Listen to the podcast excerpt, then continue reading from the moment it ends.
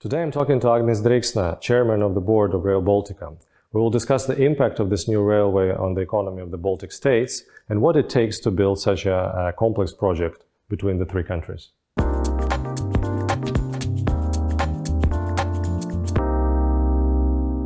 I looked at some some of the statistics about you know passenger travel choices, and I was like, I cannot. I, I say I was surprised that the number of railway passengers and the railway, you know, usage is growing. But I'm surprised how much. It's like 50% growth, right? And you know, er, globally, the number of carriages is like should double until 2025 or 2030 or something. Indeed. And, and then how does it reflect, you know, on Rail Baltics, Rail Baltics plans? You know, are you you guys going to compete with Air Baltic, I guess, right? No, kind of. Let's take one by one. Okay. So first of all, rail- railways indeed is um, experiencing this renaissance. Yeah, because if you compare to the different modes of transport, railway is still the greenest. It is the fastest in urban environment. Yeah. And actually, it also the price what the railway is costing, especially for the local traffic, mm-hmm. is still comparable to, to different trans- transport modes, whether it's taxi or, or bus or everything else. Mm-hmm. So it's obviously that in urban environment, uh, railways is something that you're looking for. Mm-hmm. Also, if you look also about the quality of the service, let's take a kind of longer distances between Riga, for example, and Tallinn.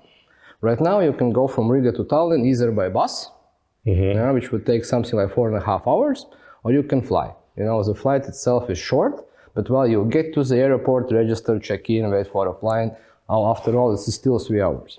With Rail Baltica, we would be able to achieve uh, travel distance less than two hours, one hour and 50 minutes. It 15 mean- or 50? 50. 50, okay. Yeah, so it means that the dynamic of the region will change completely. Imagine that you can actually go to the train at 7 o'clock in the morning. At 9, you can be also in Tallinn or in Vilnius from Riga. Then you can do the business or whatever it is, get on the train at 5 o'clock in the evening, and at 7 be at home. So we are, in that sense, we are not speaking anymore about three divided small markets. We are looking at the Baltic region as a one from economical point of view, from the safety point of view, security, and also from the passenger mobility and this cultural element.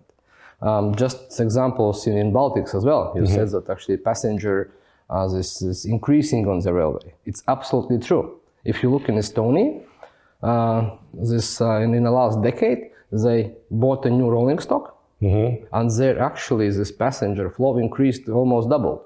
And they are right now even considering to buy more because there is a huge demand about internal travel within the country. And this actually will be also true about Rail Baltica because we are building um, infrastructure and it's not only, it's not about the railway itself. It's about mobility within the region. Now let's take a look Latvia. Mm-hmm, mm-hmm. You will have a railway traffic from, for example, from uh, Riga Central Station to airport.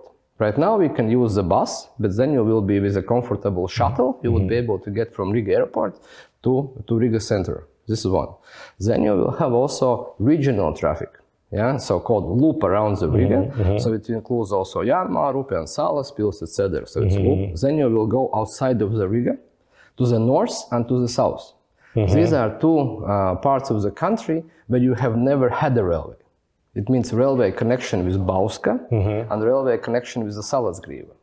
And then you go beyond the territory of one country, mm-hmm. and it means that the same line, without any stopping at the border, yeah, will cross also into Lithuania and into Estonia.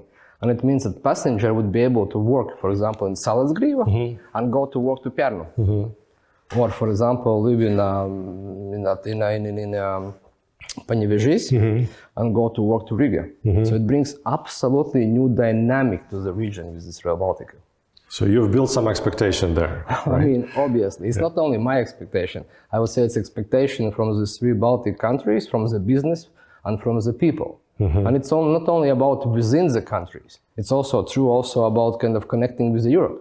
Again, from Riga, how can you get to, to Germany or to Berlin, for example? Either you take a flight mm-hmm. or you drive. And how long would be the ride to Berlin? Around six hours or Six so. hours, yeah. So, it it's means actually overnight. Exactly. So there will, we will have a regional trains. Mm-hmm. Regional trains are between the Baltic mm-hmm. countries and those high-speed international trains. Yeah, so that you can go from Tallinn through Riga and then connect to the Berlin and then beyond in the rest of the Europe. Maybe you can remind what are kind of the main milestone days because uh, obviously building a railway, you know, takes quite a time, right? Oh yeah, it's quite a challenging process, especially we are building in the three Baltic countries. Absolutely new railway system, yeah, because we know that there is this Russian gauge, which is a 1520, and now we are going back to this European gauge, so to be mm-hmm. interlinked in a one common railway network. Mm-hmm, mm-hmm. And it means that uh, currently, if you look from the project pipeline, yeah, so right now we have completed the planning. We are right now uh, in a design phase where we are finalizing the design in Latvia and in, in uh, Estonia. Then we already have started some construction works, and people in all three countries are able to see it. The most obvious, of course, is in Riga. So you can see that in Riga Central Station there is already uh, huge construction works. We have completed the demolishing works of one side of the railway, and we are starting to building up the estates and everything else. So you actually can see it when you pass through Riga. And the second object also in Latvia, for example, is the one at uh, International Airport. So it means when you arrive in Riga, just in front of the airport, you can already see the construction works. And uh, when will we see the first? And how is it going to be? The whole thing will be ready together, or it will be ready by parts This is actually a good question Yeah. because sometimes uh, people like to ask which country is first, you know, which is more progressed and everything else. But here is the trick that this is not a competition who is the first. It's actually common work in order to be ready at the same time. Because if some sections are ready in Latvia and there is nothing ready in Estonia or other ways around, you simply don't have this corridor kind of functionality. Uh, but of course, you cannot commission 870 kilometers, which is the length of Rail Baltic in all three countries, at one day. Yeah. So we will start kind of uh, commissioning railway starting from 2027. Yeah, when we will start to test actually the first sections. For example, between uh, Kaunas and Riga International Airport.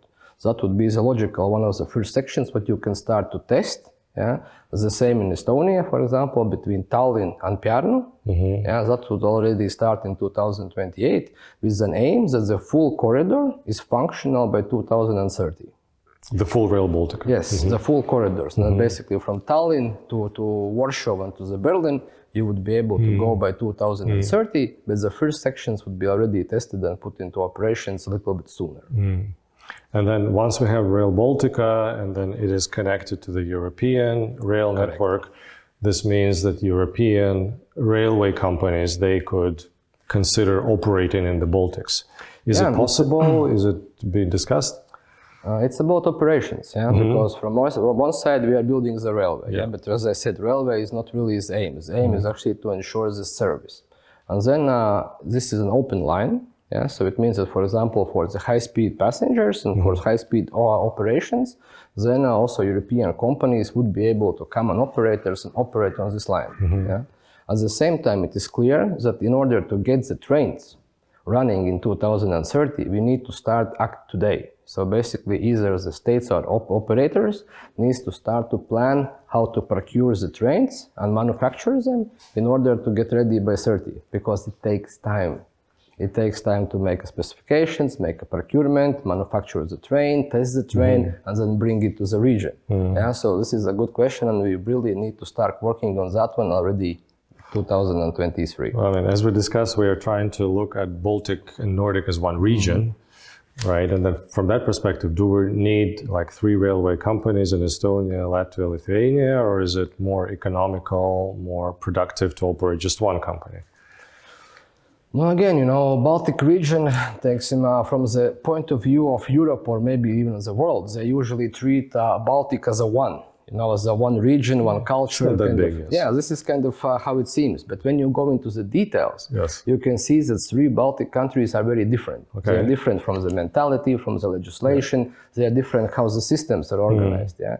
So I would say that today, actually, to make too much of the joint uh, enterprises, whether it's for the railways, for the airlines, or whatever, it will be a challenge. You know, it will still need some time. So right now, what we are focusing on is to ensure that we have the seamless travel for passengers and goods. So it means irrespectively how many infrastructure managers we have, it's kind of one or three, we need to ensure that we act as a one entity Mhm. towards the client. Mhm. So that irrespectively in which country the cargo comes to the mhm. railways, they pay kind of one times fee and they understand how we are moving without any barriers.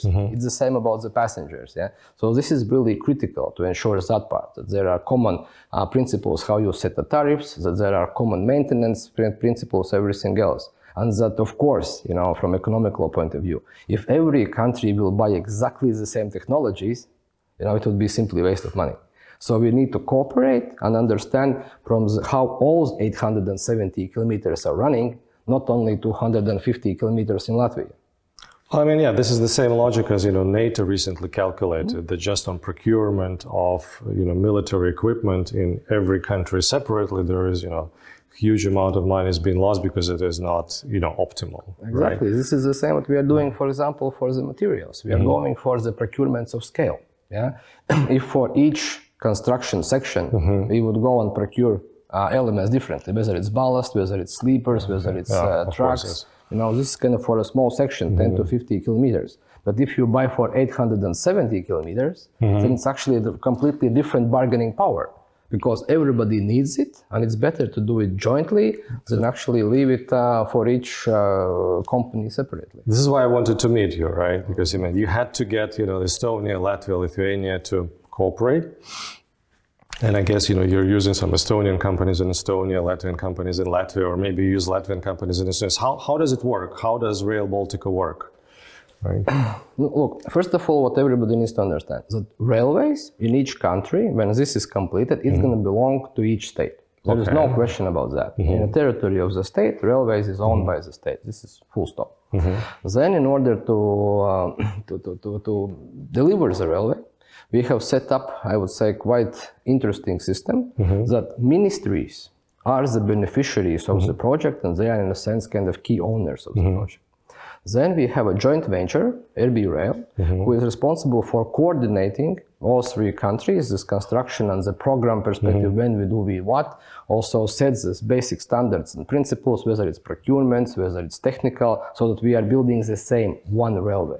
And then also as each country, there is national implementing bodies, yeah, which are 100% owned by the state, mm-hmm. who are doing the local kind of task and local construction parts. For example, these national implementing bodies are responsible for the construction of point type objects. It means Riga Central Station, for example, depot, maintenance mm-hmm. facilities. And they are also responsible for the civil works.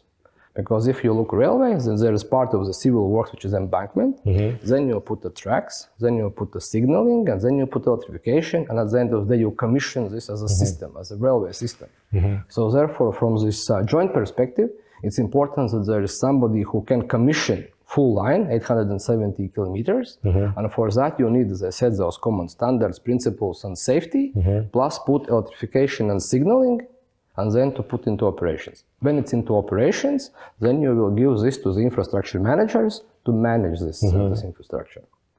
And would Rail Baltica also then run, you know, tendering to ensure that there are trains rolling? You know, who will ensure that there is like, you know, a joint system of, of trains? About the trains, actually, this is still the decision is, is uh, on, a, on a states level. Yeah. So currently, we don't have any joint procurements for the trains between the three train, Baltic countries, or not even for the PSOs. Yeah. So this is something that states will need to agree how to do it properly. But it is clear if you look from this kind of uh, economical perspective that it makes sense, even if the train would be owned by each state. It is still kind of most likely the case, but that you procure them together yeah, with a one technical specifications, so that we don't have three different set of trains. Yeah, that Well, we that's what one I'm trying train. to understand. Yes. yes, Exactly. So the point for Rail Baltica is to avoid what we currently have on the railway, three completely different railway uh, management systems and approach, even though you could actually uh, cross the border with the mm-hmm, segment. Mm-hmm. There is a lot of administrative burdens. With mm-hmm. Rail Baltica, we need to avoid that one. So we have learned our lessons and we need to make a common line, single project that you can operate without any borders.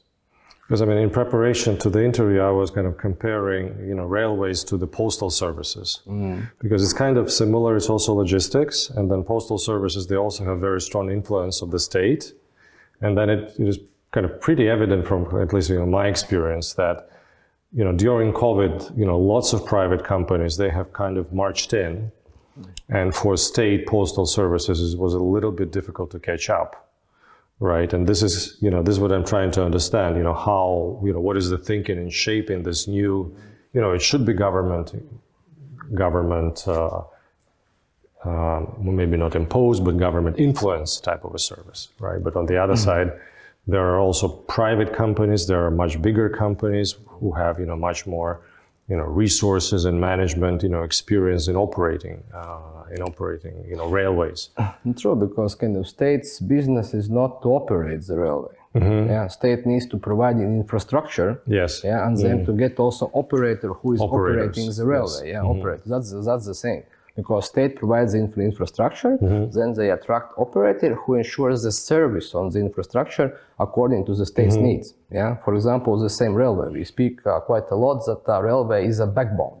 Yeah, it means that also the state politics need to correspond to that one. but we don't need to kind of um, uh, have the bus going from every single village to Riga. Mm-hmm. So for the railway stations, there are mm-hmm. catchment areas as well, similar as for mm-hmm. the airports. Yeah. So it means that you can make those regional stations as a multimodal transport hubs, mm-hmm. and then you catch this catchment area, 10, 15, 20 kilometers, when people come to the railway, and then go either to the capital, any of the capital, Riga, Vilnius, or Tallinn, or even beyond.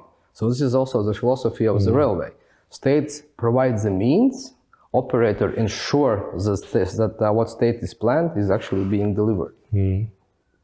I mean, you know, a railway is a, is a pretty complex thing. You know, you know, there, there are the rails, there are the stations, and then there is, you know, what is signaling, right? So what, what I also found out in preparation is that, for example, Swiss uh, Rail, mm. they own a lot of stations, obviously, and then the usage of the stations has changed, so they don't need that much space from technological True. point of view. So they've started, you know, renting out that space as co-working space, uh, which also ensures a possibility for people to come to come to one place, do some work. You know, is it a topic uh, in, in, our design, in Rail Baltic design? What you are saying, it's actually has changed already quite some time ago. Okay. Yeah? So this is kind of the principles that mm-hmm. stations is no longer kind of the station where yeah. you go only to the train. Yeah. You can look at actually at any big station, even kind of, for example, in Riga. It's right now much, much more. You know, the station is only multifunctional. Yes, it's multifunctional exactly. And right now, with this reconstruction of the station, mm-hmm. it will become even more multifunctional because it will it will interlink basically all modes of transport what we have. Mm-hmm. No, if you look like that, we will have a Rail Baltica trains. Mm-hmm. We will have current existing 1520 trains mm-hmm. that meet at the same station. You will have also the bus station right next to the, the, the current, the, the, train station. Mm-hmm. You will have also possibilities for different kiss and rides, park and ride opportunities. Mm-hmm. And then you develop further for what you do, what do you need for the passengers. Mm-hmm. Yeah then all the ticketing and everything, all the all the um, places where you can actually wait for the train, all the businesses as mm-hmm. well. Mokorigo Center is there, kind of, and also you mm-hmm. can do the shopping. So right now, if you look in the Europe, all the big stations are going towards this trend. Mm-hmm. And station is no longer simply to get on the train and wait for the train, mm-hmm. but station is actually the city within the city itself.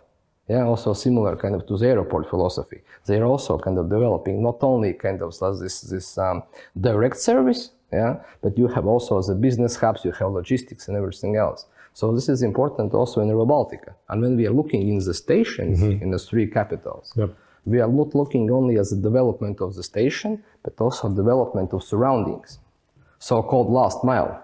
Mm-hmm. How do you get actually to those stations? Whether this is actually what else you can develop around, you know, the station.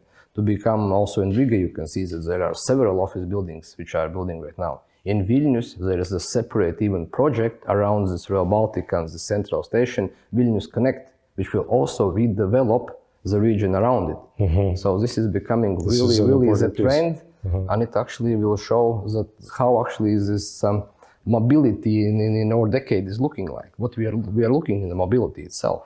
And what about digitization and the ticketing system? Because of course, you know, every vendor can sell their own tickets, mm. but on the other side, from what I can see, the the real value for the consumer is that if you can buy a combined ticket, you know, a train ticket plus, you know, rent a car plus something else, you know, how, Yes, anything uh, around that? digitally, it's all possible. So the question is is, possible, of, is of course uh, for those operators to, to, to want to do that. Ah, okay. And just I will give you example. For Baltica, we are right now thinking uh, intensively also, for example, this air to rail. Yeah, it means Air to rail, yeah. Yes, and rail to air. So in essence, you could go to the train station Mm-hmm. and you could check already is the luggage in. Yeah. And then actually luggage goes to your final destination and you get on the train, go to the, for example, to the air- airport Mm-hmm. and then travel to your final destination. So all of these kind of principles can be applied. And um, just an example from Riga Central Station, for example, even if you have a, two different railway systems, for the passenger, it should not matter. The quality of the service should be the same. Whether you buy the ticket from Riga to Tallinn or you buy ticket from uh, Riga to Daugavpils, the quality of the service should be provided the same level. That's why this is kind of the joint station between the different modes of transport. And you mentioned the signaling system. Um, any connection between the modern the modern ways railways are built and 5G? You know, what is the level of possible robotization? Because you know this will be finished in like 2030, so it's like a lot of time, and by that time, This know, is we might interesting have choice. self-driving cars, right? Yeah, this is interesting choice what we have because right now in the railways we are changing the systems. We are right now moving to 5G. Okay. So in essence, for Rail Baltica, there is this um, um, philosophical choice. You can be either last one on the previous system or the first one on the new system. Yeah. So it means that actually this is a choice for the states and everybody else. And currently, if you look from this development, and as you said, that rail will, that line will be completed by 30, it makes sense to be the first on the new system. Also considering that Rail Baltica is a greenfield project. Yeah, so it means that you can adopt it more easily. You don't need to kind of interlink it with rest of the systems. Yeah, so uh, obviously this is a choice uh, towards which one we should go. You said about fully optimized trains. Uh, for Rail Baltica, it's not the case uh, because these automat- are trains you can have on a short distances, then there is no risks from different kind of sites. But in mm-hmm. Rail Baltica, we will be having uh, regional traffic, as I said, mm-hmm. high-speed traffic between the states, mm-hmm. cargo traffic. And for that, you need to manage that. And you cannot put everything automized in the different rails. Even if you could automate the shuttle, for example, from Central Station to Riga International Airport, at the same time, there will go also the regional trains, night trains, uh, etc., etc. So the traffic is too intense to go fully autom- automate, auto automat, uh, automatized. So is it going to be one track per dist- per direction or several? Two It's a double track. It's a- it's a double track, fully kind of electrified. for every direction, or Yes, it's a double track. Okay, for every direction. It's a double track. So two tracks parallel. Okay, so So- one so- direction and another direction. Yes. Okay. And then what is the situation around, you mentioned also cargo and logistics. I guess one, it will be also uh, an important piece of the value that the, uh, this brings. So uh, is something being built around the, the railway to increase its capabilities to serve as a, as a cargo stream? Yeah, because cargo is definitely kind of big part of the Rail Baltica project. So, uh, because if you look at these cargo flows, so we are in a sense also strengthening and opening the new corridor. Yeah, because currently you mainly you had a cargo uh, east-west, mm-hmm. especially if you look from the railway. Mm-hmm. Yeah, and right now we actually will have a railway connection for cargo starting from the Muuga port. It means also all the Scandinavian cargo could actually mm-hmm. land in Estonia, right in a port, and then continue to the Europe through Baltic countries. Plus, in each country, we are developing also the main logistic hubs. In Estonia, it's in Muuga, in Latvia, it's in Salaspils, and in Estonia and Lithuania, it's in Kaunas. So those are the main ones where you can have all those intermodal kind of shifts between different cargo modes. For example, kind of in, in this um, Salaspils, yeah, you can have uh, rail to rail, rail to road, uh, and, and, and also not only the logistics itself, that you kind of um, transfer this cargo from one transport mode to another, but you build also around this global village, including different kind of manufacturing plants, uh, different um, different elements of the, of the businesses. And then, actually, this is kind of the three main ones. But if you build a railway, you need to also identify what kind of cargo and where are these uh, origin part. Yeah, for example, if you have somebody who is producing uh, lumber and it's, it's big enough which could serve several trains per week or even per day, it's obvious that it makes sense to make a connection to such a manufacturer. And also other manufacturers who see that there is, for example, possibility um, for this uh, manufacturing uh, place, they also can build those manufacturing places next to these uh, big logistic hubs, so that you don't need to uh, transport this last mile from the from the manufacturing plant to the to the railways. They are right next to it. But of course, it's not kind of open bars that you can kind of connect every single place. Yeah, it's also about this uh, roads. It's the same. You cannot have hundreds and hundreds connections. They need to be well thought through in order to ensure that operations of the railway are not at risk or not not jeopardized. So I mean, maybe we can talk about your team, right? Because it is probably an international team, and it's probably a team where you have representatives of all three Baltic states, right? So how did this team form? How did you kind of learn to work together? What did you learn about, you know, each other in the process? This is actually interesting because Rail Baltica is truly, truly, truly European project. Okay. because it's not only about three Baltic countries who are working together. Yeah, it's also about uh, I don't know at least 20 European countries and different nationalities which comes here. And uh, sometimes it is a question that you all speak English, you kind of agree because you use the same terminology, but in each mind this terminology means something a little bit different. Yeah? So you get used to that one. So it means also the standardization and common understanding is very important. So you set the correct aim and goal, what mm-hmm. you want to achieve.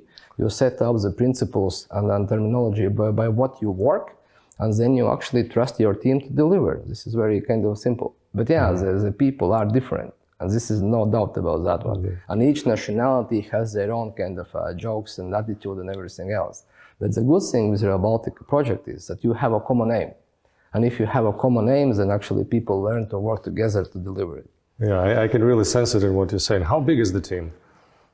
Right now, kind of RB Rail is around 200 people itself as a company. But if you look all the project together, so we are kind of looking also at the implementing bodies and the ministries, and then also at our consultants, construction companies, designers, etc., etc. So it's hundreds and hundreds already.